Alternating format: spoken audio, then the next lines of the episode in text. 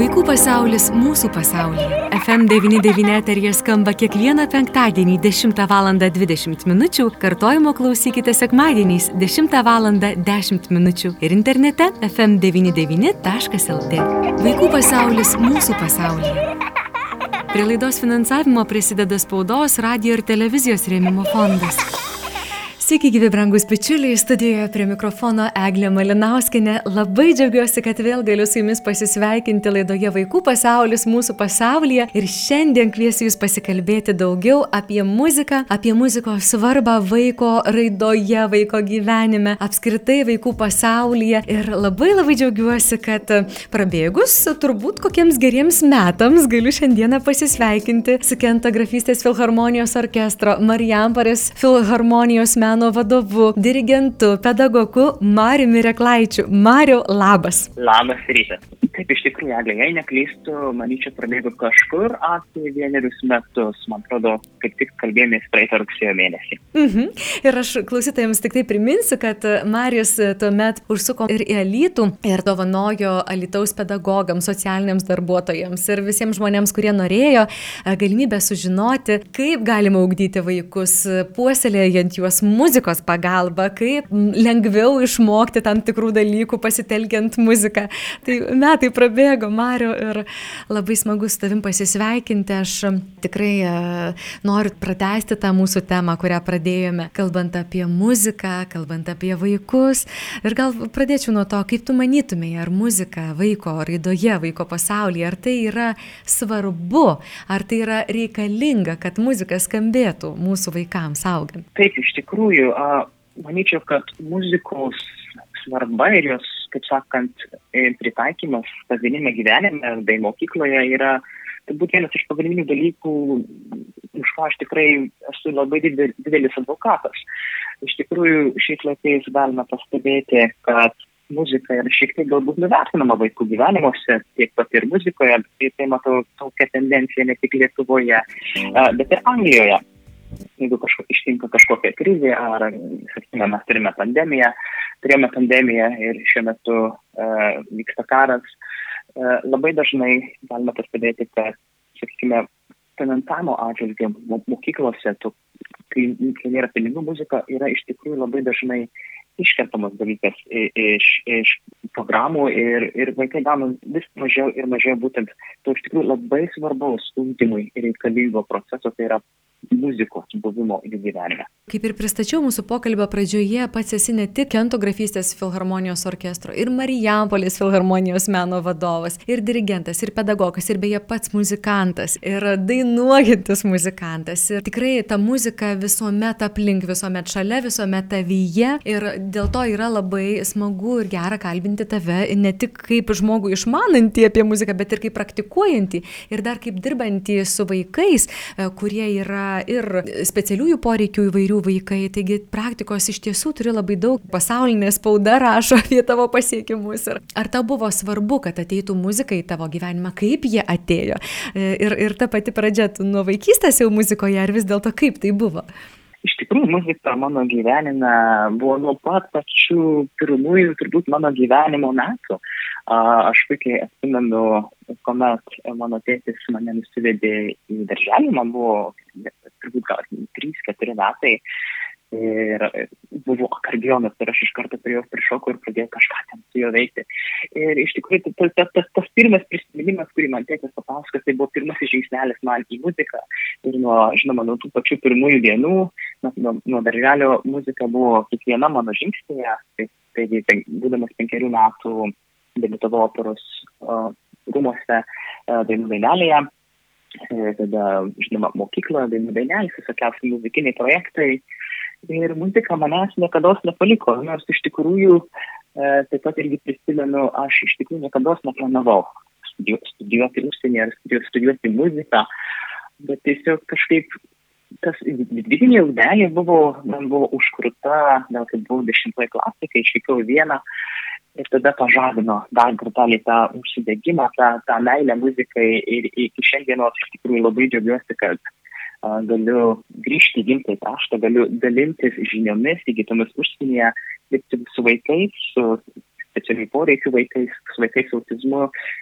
parodyti, kaip iš tikrųjų galima prieiti prie tos muzikos iki šiek tiek kitokių kampų, gal šiek tiek labiau per, per, per žaidimus, per kaž, kažką novatoriško. Gali, na, tokių nuomonių kilti, na, tai jau Marius, tai turbūt jau, va, jeigu nuo vaikystės muzika, tai jau, ai, jau buvo daugiau mažiau gal aišku, ar ne, kad bus muzikantas, tiesiog gal, gal, gal bus talentingas vaikas. Va, mano vaikas tai visai neįs, gal ten koks krepšininkas labiau, gal koks e, kompiuterinių technologijų labiau mėgėjas. Tai kam ta muzika reikalinga? Kaip manytumai, Mariu, ar vis dėlto e, reikalinga muzikinis skambesys šalia vaiko, vaiko gyvenime, jeigu tai nėra mūsų manimų tas vaikutis, kuris galbūt eis muzikiniu keliu? Iš tikrųjų, čia, čia kas be abejo, muzika svarbi turbūt kiekvienam žmogui, mes tai turbūt galime matyti kiekvienoje kiekvieną dieną, eidami į darbą, iš tikrųjų mes ir klausomės, mes muzikos visada klausomės, kokia ta muzika bebūtų, tai būtų ar klasikinė muzika, ar tai būtų rokas, džiazas, ar, ar populiarioji muzika, visada mes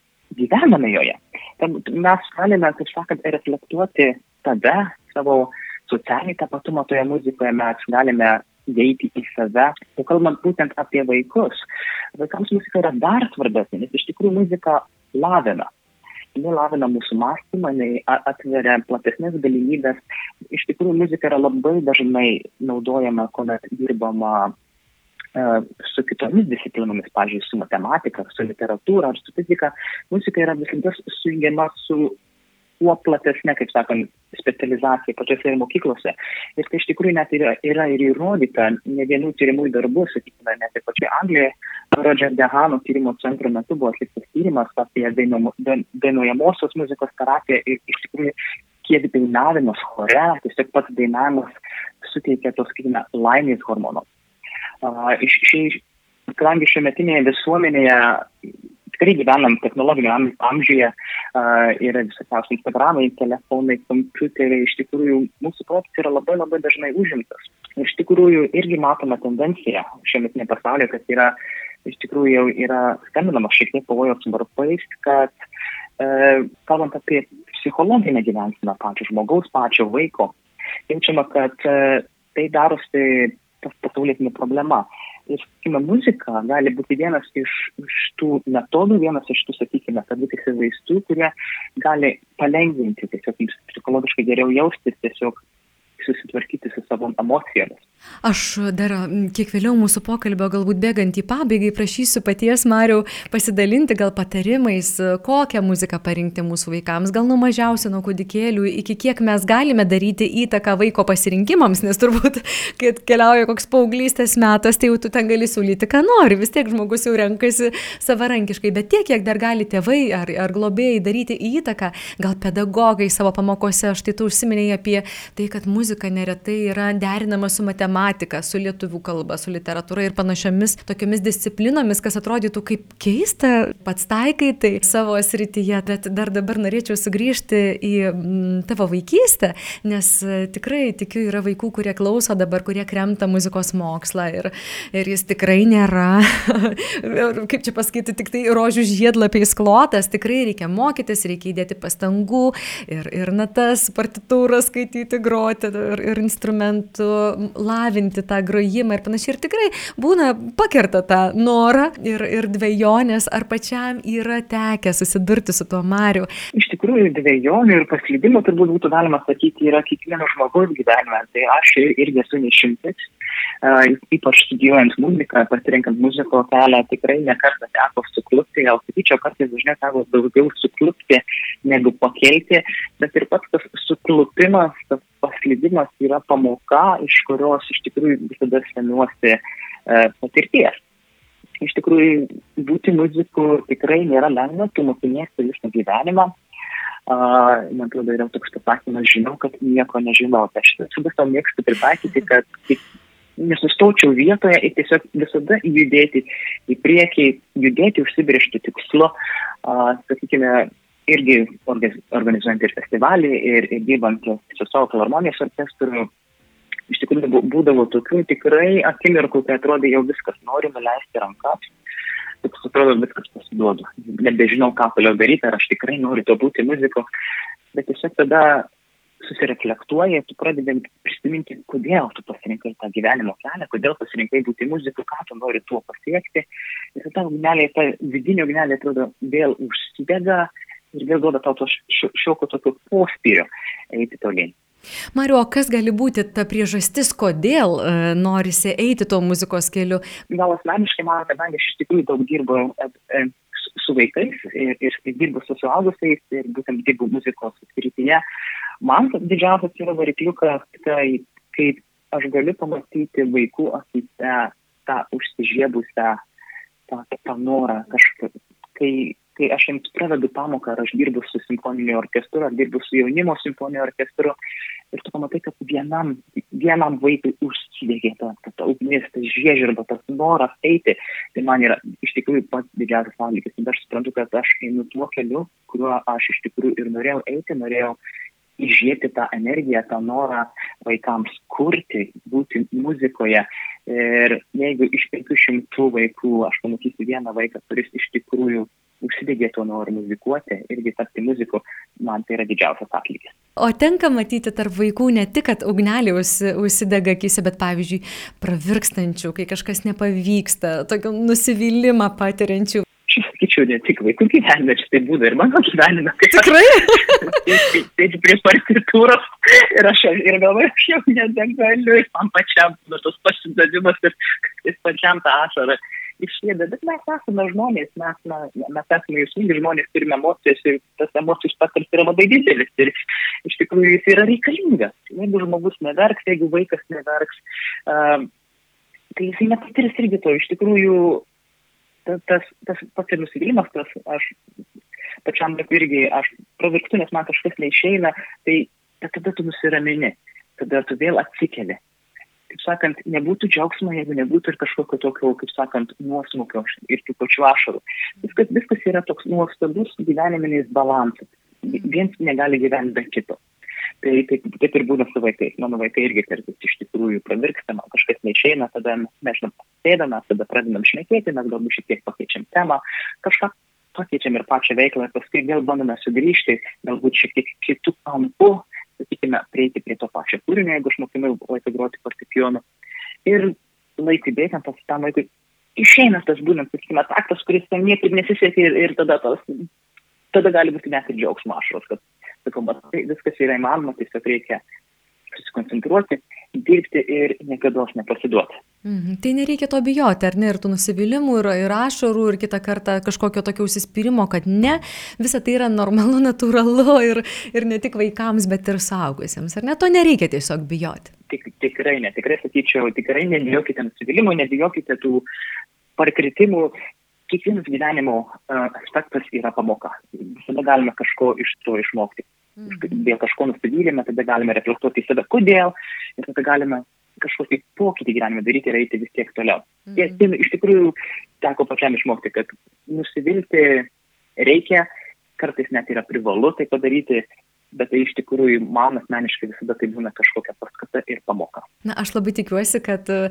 vaikams šis pasakojimas Marijau paties tikrai gali tapti įkvėpimu ir, ir iš tiesų labai svarbu jaustis, kad nesi va toks vienas, kuriam kažkas nepasiseka, kažkur ten rankos nu, nusvyra, tai net ir garsos muzikoje daug pasiekia žmonės, su tuo susidūrė ir susidūrė ir nieko čia tokio ir nesustabdo, tai aš labai tikiuosi, kad e, jūs, brangus e, klausytojai, išgirsite išgirsite tai ir, ir tikrai tai gali tapti jums tokiu pastumėjimu į priekį. Juolab, kad pavyzdžiui, Marius praėjusiais metais, kai Elytų buvo atvežęs e, tokias pamokas, edukacijas pedagogams ir juose ir pati dalyvavau ir mačiau, kad pavyzdžiui yra įvairiausių būdų vaikus, net ir pačius mažiausius, sudominti muziką. Mariu, negaliu pamiršti grojimo bananais, dudelių pasigaminimo ir viso, kit, viso to, tai, tai yra neįtikėtini dalykai, kur, kur tiesiog atrodo net sunku patikėti patikėti, kur tu groji bananais, o groji kaip pianinas ir, ir visokie panašus tokie dalykai.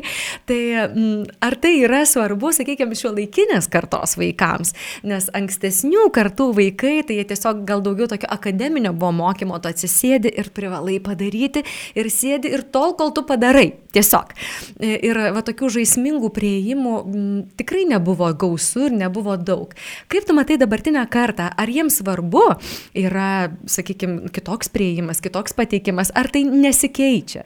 Ir galbūt galima būtų palyginti, sakykim, tu kentografystėje dirbi su Lietuvos vaikais irgi susiduri, štai ypatingai kai Marijampolė grįžti, tas skirtingas šiek tiek mokymas, prieimas, auklėjimas, mokymo sistemos pagaliau.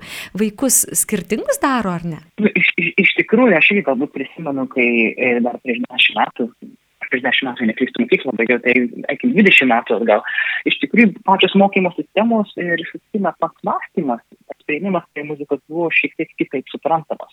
Tada buvo muzika labai akademinė ir, žinoma, šiomis dienomis muzika taip pat yra akademinė ir yra reikalinga ta akademinė muzika, bet tas pats Tad pats vaikų požiūris, pats vaikų noras, tai aš noriu tos muzikos, kadangi vaikai šiuo metu turi daug daugiau visokiausių pasirinkimų, e, tiesiog tada pačiam kaip pedagogui, kuris tiki savo darbu, kuris tiki tą būtent muzikos gale, reikia ieškoti naujų prieimimų, prieimimų prie muzikos. Ypač pačiam, pačiam mažiausiam vaikui.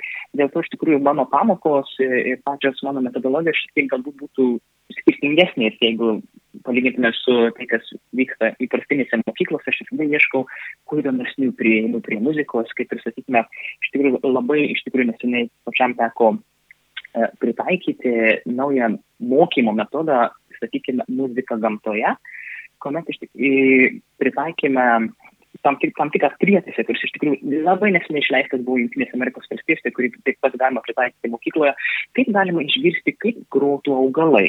Kaip, kaip tai skambėtų, prietaisas yra prijungiamas prie bet kokio gyvo augalo, kuris turi savo bioritmus ir tas, sakykime, prietaisas jisai nuskaito elektromagnetinius tos impulsacijas, tos bioritmus to augalo ir tada, kaip sakant, kompiuterio pagalba yra transformuojami tie bioritmai į tam tikras garsinės bangas ir, ir, ir, ir sukuria tam tikrą, sakykime, sakykime kūrinį.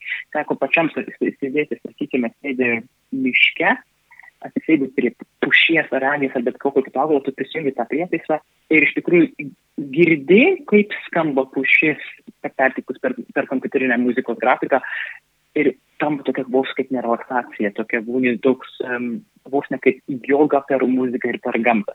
Tai iš tikrųjų, va, būtent mano tokie prieimai prie muzikos, tokie šiek tiek įdomesni, tai ko vaikai nėra matę.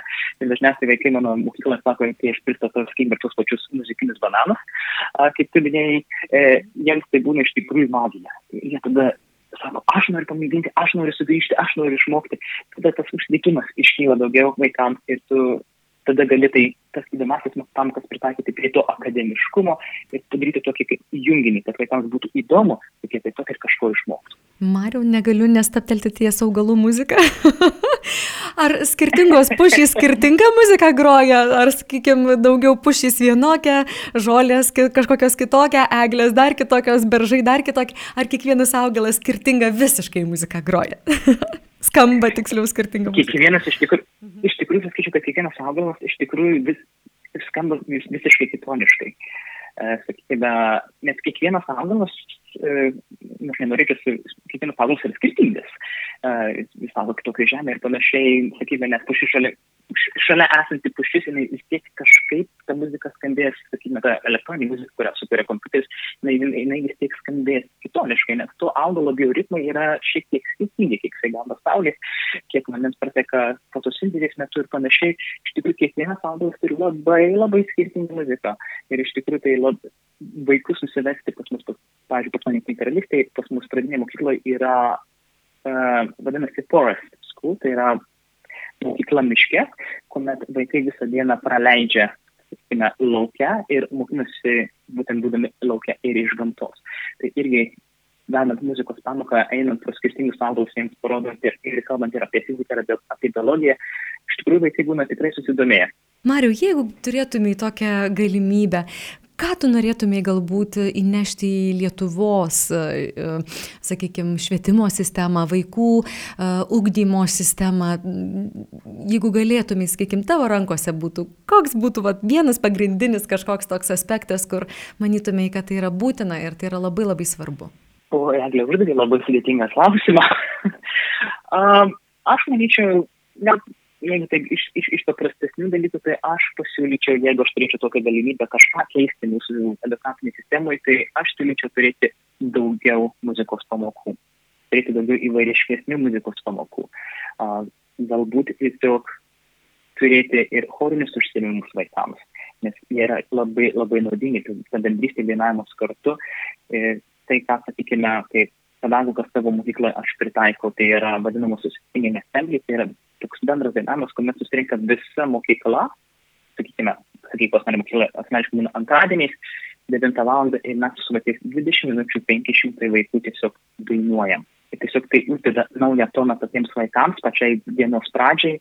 Ir iš tikrųjų tiek mano kolegos, tiek vaikų, sakykime, mokymosi procese mes pastebėjome pokytį, kuomet vaikai turi daugiau muzikos dienos metu, jų lygis tiek matematikai, tiek literatūrai pakyla ir pakyla iš tikrųjų labai nemažai. Tai ta muzikos įtaka tikrai turi mūsų, turi įtakos lavinimuisi. Tai jeigu turėčiau galimybę kažką keisti, aš turėčiau turėti daugiau muzikos. Na, aišku, kaip muzikantas, tai kaip čia kitaip yra, be pasiūlytumai ar ne.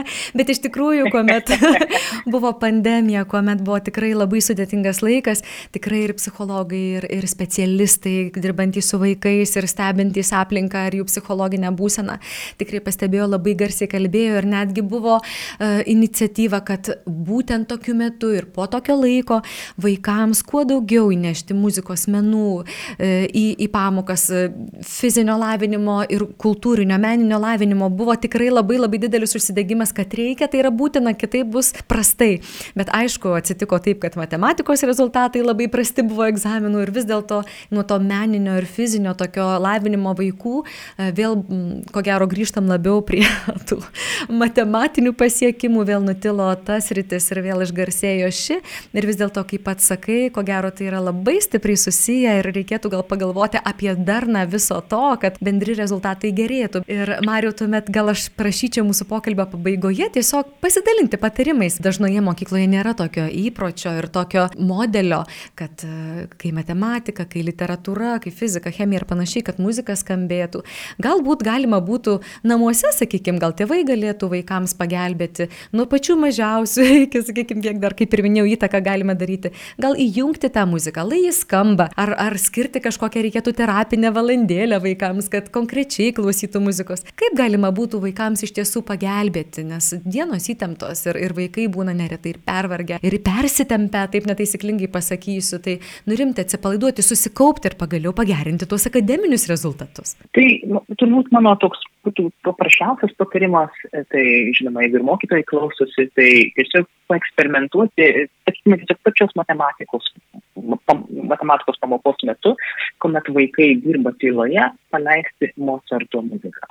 Tiesiog paleisti Mozarto muziką tyliai, kad jinai tiesiog skambėtų fone, kad jinai netrukdytų ir žiūrėti, kaip, kaip keičiasi vaikų susikaupimas. Tai tokį patį patarimą aš turbūt pasiūlyčiau ir tėvams, kad jeigu turite galimybę, kuomet vaikas ruošia pamokas, leisti vaikui jaunesniam vaikui klausytis klasikinės muzikos ir būtent labai koncentruočiausi į Mozartą, nes iš tikrųjų gal ir kvestionuojamas toks klausimas, tai yra vadinamasis Mozarto efektas, kuris mokslininkai vis dar bando išsiaiškinti, ar iš tikrųjų Mozarto muzika yra tokia labai efektyvi, kaip iš tikrųjų yra, yra manoma. Tai tas patarimas būtų tiesiog, jeigu ruošia vaikas pamokas, tiesiog paleisti tiesiog Mozarto muziką. Mozarto muzikoje yra daug tokių veiksnių kūrinių, kurie iš tikrųjų gali vaiko protą ir mintis iš tikrųjų atpalaiduoti.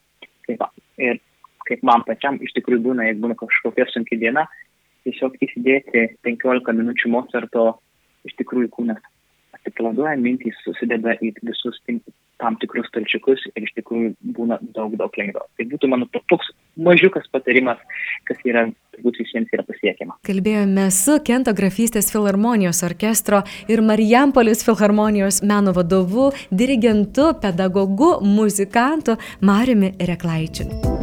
Vaikų pasaulis mūsų pasaulyje. Prie laidos finansavimo prisideda spaudos, radio ir televizijos rėmimo fondas.